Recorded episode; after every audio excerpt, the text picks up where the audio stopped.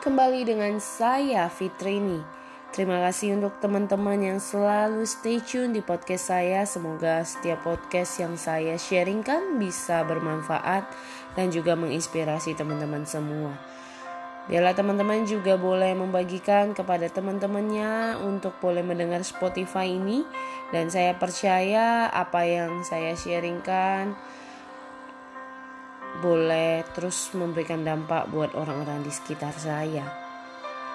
Teman-teman, pernah nggak sih merasakan yang namanya sakit hati, merasakan namanya ditinggal, dijauhin, mungkin oleh orang-orang yang kita sayangi. Kadang kita merasa kita udah berusaha melakukan yang terbaik, kita udah berjuang, kita udah selalu berusaha mengubah diri kita. Namun kita tidak pernah bisa menyenangkan orang yang kita sayangi. Mungkin kadang rasanya berat, harus kehilangan, harus ditinggal, harus dilupakan. Namun kadang pernahkah kebayang oleh kita bahwa hidup itu hanya sekali? Kita tidak bisa mengulang keadaan yang terjadi. Kita hanya bisa lurus melihat ke depan, melihat ke depan akan jadi seperti apa. Itulah yang sering terjadi, teman-teman. Yang sering dialami juga, bagaimana kita tidak bisa hanya hidup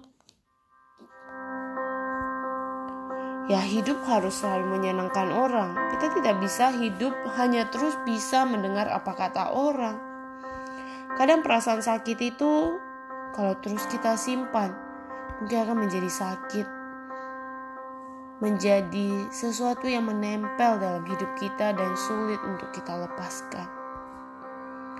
Hari ini saya secara pribadi belajar dari setiap apa yang saya lakukan Mungkin saya tidak bisa banyak menyenangkan orang. Tapi saya percaya saya punya Tuhan. Saya percaya saya tahu diri saya, kapasitas diri saya. Selagi saya tidak menghancurkan hidup orang, selagi saya tidak melukai orang. Walaupun kadang mungkin berat ya, bisa kita harus disakitin, kita dikhianatin, kita ditipu, tapi teman-teman belajar namanya ikhlas. Walaupun tidak gampang, kadang secara ucapan teori itu gampang. Tapi secara praktek dalam kehidupan itu butuh waktu untuk diproses. Teman-teman tidaklah menjadi lemah, tidaklah menjadi kecewa dengan apa yang terjadi dalam hidup ini.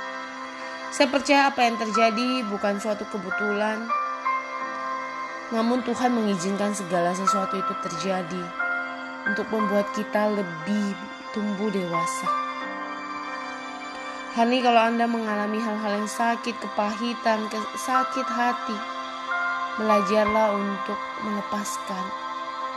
Belajar menerima dan belajar mengevaluasi diri, belajar dalam perilaku kita, dan belajarlah untuk melepaskan itu semua. Biarlah kita boleh tarik nafas, kita hembuskan, dan kita lupakan. Berjuang karena hidup kita layak untuk menginspirasi dan memberikan dampak buat orang di sekitar kita.